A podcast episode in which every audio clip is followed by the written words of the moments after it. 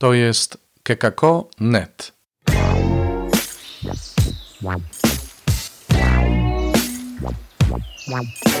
Poranny suplement diety.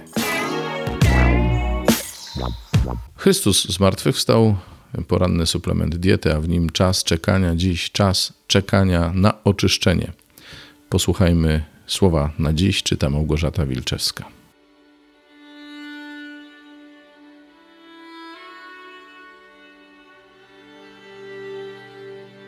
Księgi proroka Sofoniasza. Biada buntowniczemu i splugawionemu miastu, co stosuje ucisk. Nie słucha głosu i nie przyjmuje ostrzeżenia. Nie ufa Panu i nie przybliża się do swego Boga.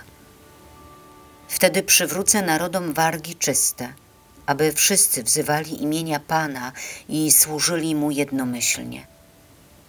Z tamtej strony rzekł kurz, wielbiciele moi, moi rozproszeni, dar mi przyniosą. W dniu tym nie będziesz się wstydzić wszystkich Twoich uczynków, przez które dopuściłaś się względem mnie niewierności. Usunę bowiem wtedy spośród Ciebie pysznych samochwalców Twoich i nie będziesz się więcej wywyższać na świętej mej górze. I zostawię pośród Ciebie lud pokorny i biedny, a szukać będą schronienia w imieniu Pana. Reszta Izraela nie będzie czynić nieprawości ani wypowiadać kłamstw, i nie znajdzie się w ich ustach zwodniczy język, gdy paść się będą i wylegiwać, a nie będzie nikogo, kto by ich przestraszył.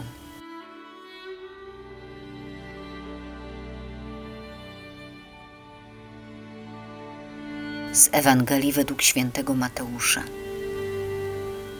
Jezus powiedział do arcykapłanów i starszych ludu: Co myślicie?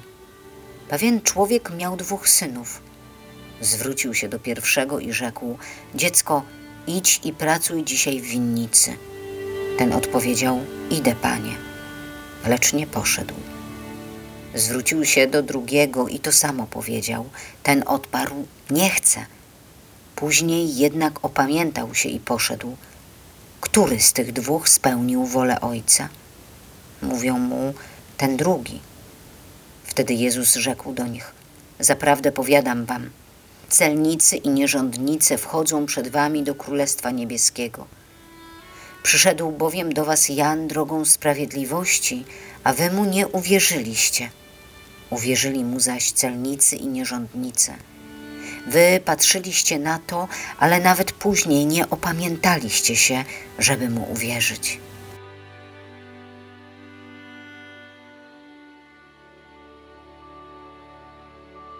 Z czego nas chce Pan oczyścić?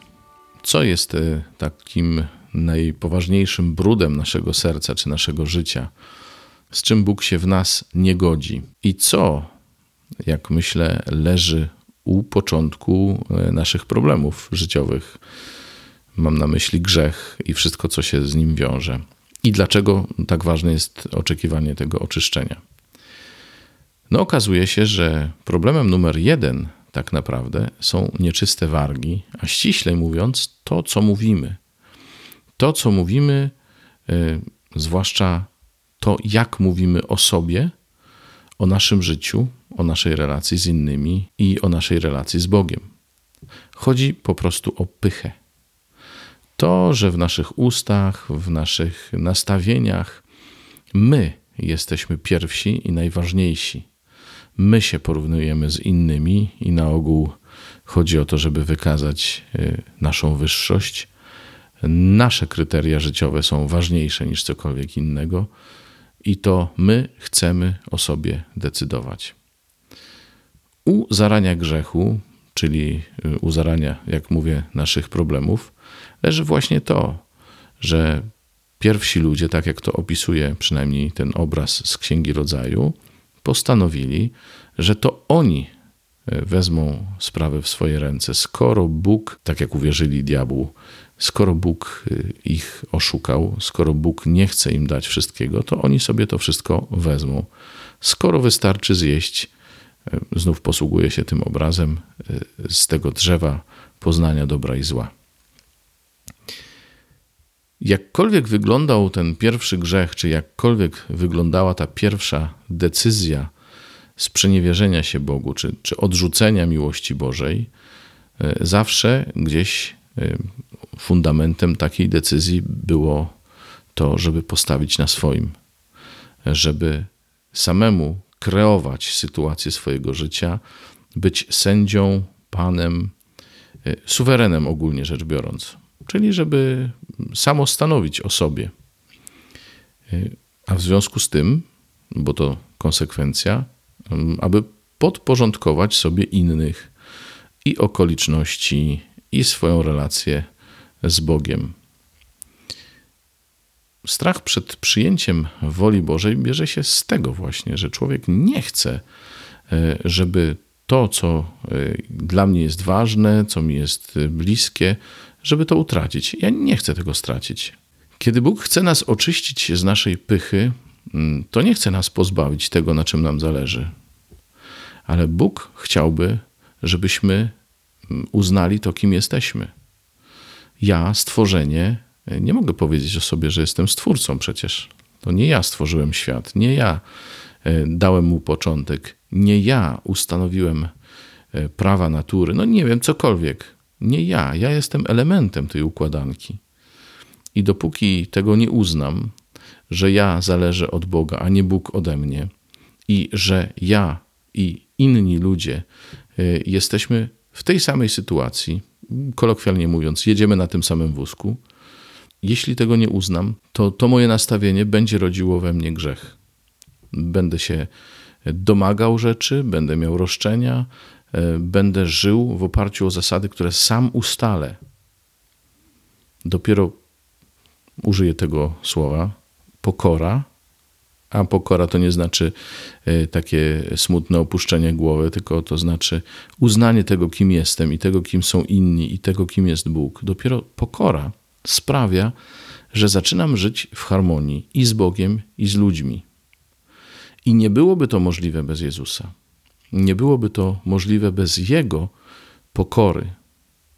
Bez Jego, i tu już jest e, pokora przez wielkie P, bo on nie tylko uznał to, kim jest, ale przede wszystkim zgodził się być podobnym do nas.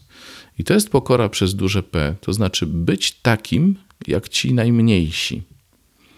Nie skorzystał ze sposobności, aby na równi być z Bogiem, lecz ogołocił samego siebie, przyjąwszy postać sługi.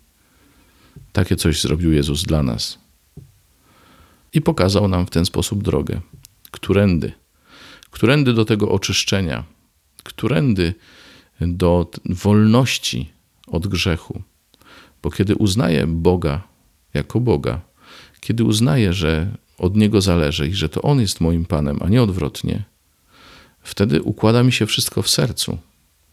I wtedy nie mam aż tak wielkiej skłonności do grzechu. Zawsze jest coś, co sprawia, że myślę bardziej o sobie niż o innych ale kiedy w Bogu uznam Boga, kiedy e, przyjmę też e, Ewangelię jako drogowskaz, jako wytyczne dla mojego życia, wtedy to ona, Ewangelia i on, Jezus, układa w moim sercu wszystko.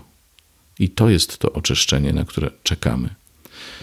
To definitywne oczyszczenie dokona się oczywiście w Królestwie Niebieskim. Tam już nie będzie egoizmu, pychy, tych wszystkich rzeczy ale ono się zaczyna tu. Z każdym dniem i z każdą decyzją o nawróceniu, z każdym wyznaniem Jezusa jako Pana i Zbawiciela. Dlatego Cię zachęcam, żebyś w tym czasie mówił Jezusowi codziennie: To nie ja jestem Panem, to Ty jesteś pan, Panem, Jezu. Ty jesteś moim Zbawicielem. W Tobie szukam dobra. W Tobie pokładam zaufanie Wiem, że to, co Ty mówisz, jest lepsze od tego, co ja wymyślę. Takie nastawienie sprawia, że idziemy prostą drogą do spełnienia naszych najpiękniejszych i największych oczekiwań w Królestwie Niebieskim. Sobie i Wam życzę, żebyśmy tą drogą szli. Nie jest to łatwe, bo skłonności mamy takie właśnie, żeby stawać ponad innymi i ponad Panem Bogiem. Ale jest to piękne, i to jest droga, która prowadzi do celu, o którym marzymy, który chcemy osiągnąć. I niech to wystarczy w tym suplemencie. Dziękuję Wam za uwagę. Do usłyszenia. Do jutra, mówił Robert Hecyk. To był poranny suplement diety. Czytajcie Słowo Boże, dzielcie się nim, na przykład pisząc na adres redakcja małpa.kekako.net.